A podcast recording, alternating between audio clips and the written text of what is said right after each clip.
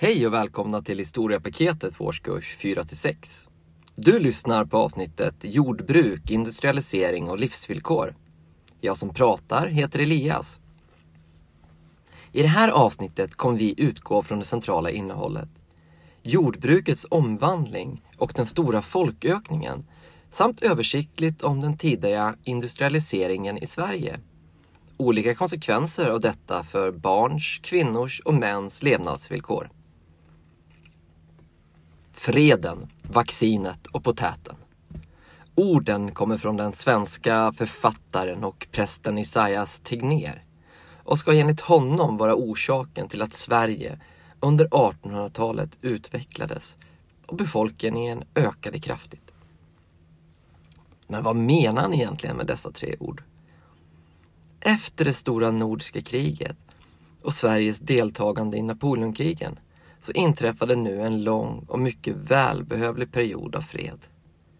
Inga svenskar skrevs ut som soldater för att dö på slagfält eller i smutsiga läger. Inte heller härjas Sverige av fientliga soldater som bränner, mördar och plundrar.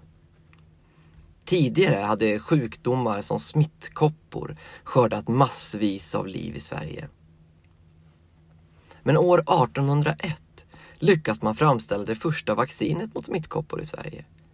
Och år 1816 så blev det obligatoriskt att vaccinera alla barn i Sverige mot smittkoppor. Detta ledde till att sjukligheten i smittkoppor minskade drastiskt. I sin tur ledde såklart detta till att färre personer dog i just smittkoppor, vilket bidrog till att befolkningen började öka. Potatis, som potäten betyder, hade faktiskt funnits i Sverige sedan 1600-talet. Men det tog lång tid innan den blev populär som livsmedel. Men på 1800-talet så började potatisen leta sig in i svenskarnas hem. Potatisen var näringsriktig och den gav goda skördar. Det var enkelt att odla den. Med bättre och mer kost så kom svenskarna att få ett längre liv. Att potatisen också kunde användas till att framställa brännvin ska vi kanske tala tyst om. Men om man ska se något positivt med just det så gjorde potatisens intåg på brännvinsmarknaden att man använde mindre spannmål, alltså säd, för att bränna sprit. Och istället kunde man använda den här säden till att baka bröd av. Man gjorde alltså mjöl utav den. De här tre orden, freden, vaccinet och potäten, har fått stor spridning i Sverige. Men om vi undersöker det hela noggrannare, är det verkligen detta som ligger bakom den stora befolkningsökningen? Nja, enligt nutida forskare.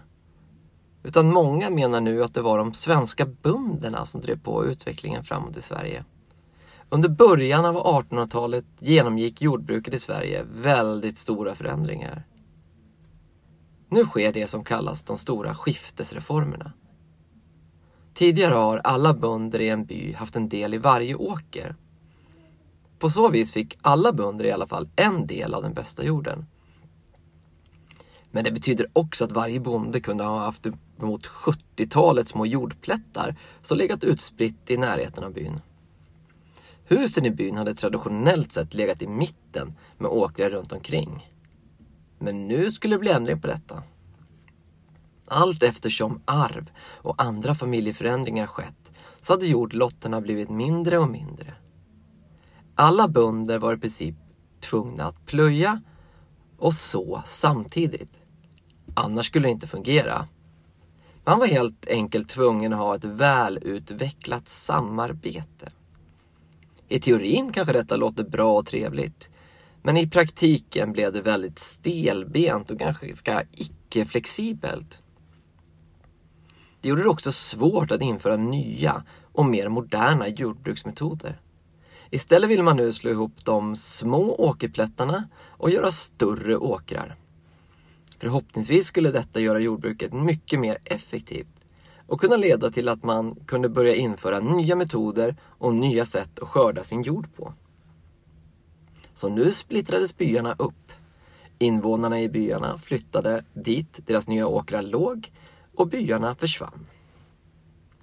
Många som tidigare bott i byn och varit jordlösa, de flyttade antagligen in till de nya städerna och började försörja sig på någon av alla de nya industrier som hade kommit igång så smått. Eller så flyttade de ännu längre ut på landsbygden för att börja bruka jord som tidigare legat för långt bort. På grund av detta så ökade mängden uppodlad jord väldigt mycket under 1800-talet. Detta plus att nya tekniker för jordbruket utvecklades gjorde att det nu kunde produceras mer odlad mat än tidigare.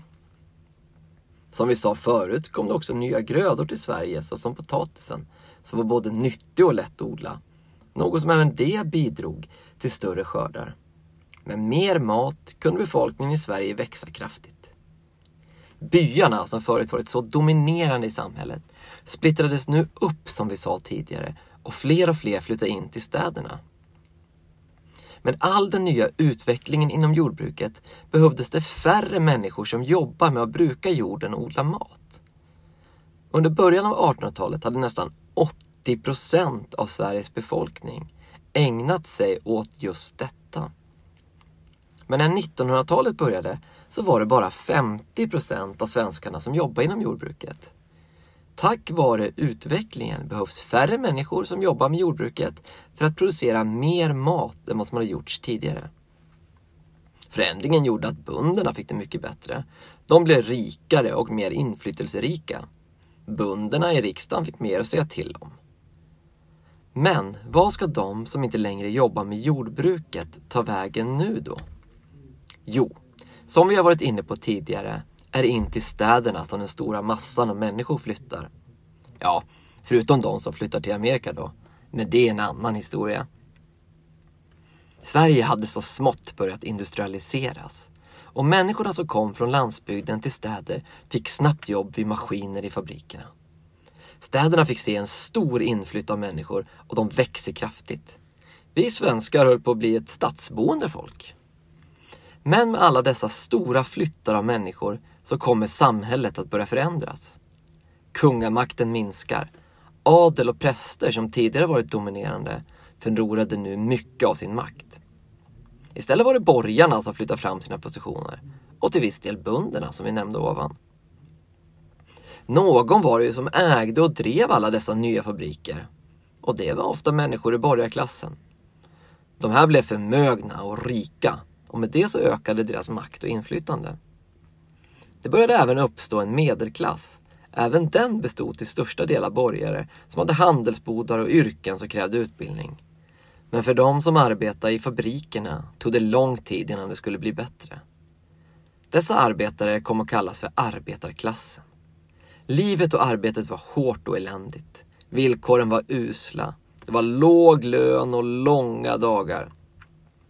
Barnen tvingades i regel arbeta de med.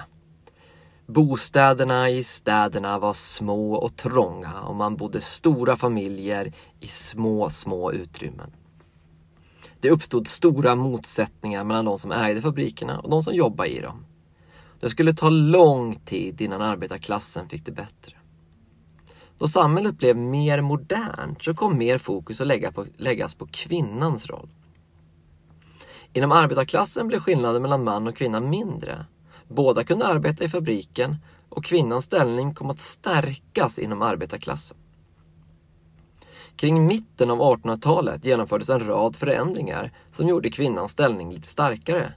Till exempel var det nu fritt fram för ogifta kvinnor att starta egna företag och de ansågs också myndiga. Generellt gjorde industrialiseringen Sverige och svensken lite rikare. Nu kunde industrierna producera massor av varor och produkter vilket i sin tur gjorde att priserna gick ner. Till exempel blev det nu populärt och billigt med tvål, vilket ökade hygiennivåerna. Och som i sin tur ledde till att fler överlevde och gjorde den svenska befolkningen större. Sammanfattningsvis kan man säga att väldigt mycket hände under 1800-talet. Men den stora anledningen till att befolkningen ökade så mycket var förändringar inom jordbruket. Skiftesreformen ledde till att jordbruket blev effektivare och att nya tekniker kunde införas. Nya grödor som potatisen gav större och bättre skördar. Vaccin och fred bidrog till att svenskarna blev fler och fler. I samband med skiftesreformerna så försvann de gamla byarna där husen legat samlade och istället blev bondgårdarna utspridda. Många människor flyttade in till stan och tog jobb på de nya fabrikerna. Ett nytt samhälle med en ny överklass, en liten medelklass och en stor arbetarklass växte fram. Industrialiseringen gav oss svenskar tillgång till nya och billigare produkter än tidigare. Något som gjorde att fler överlevde och bidrog till befolkningsökningen.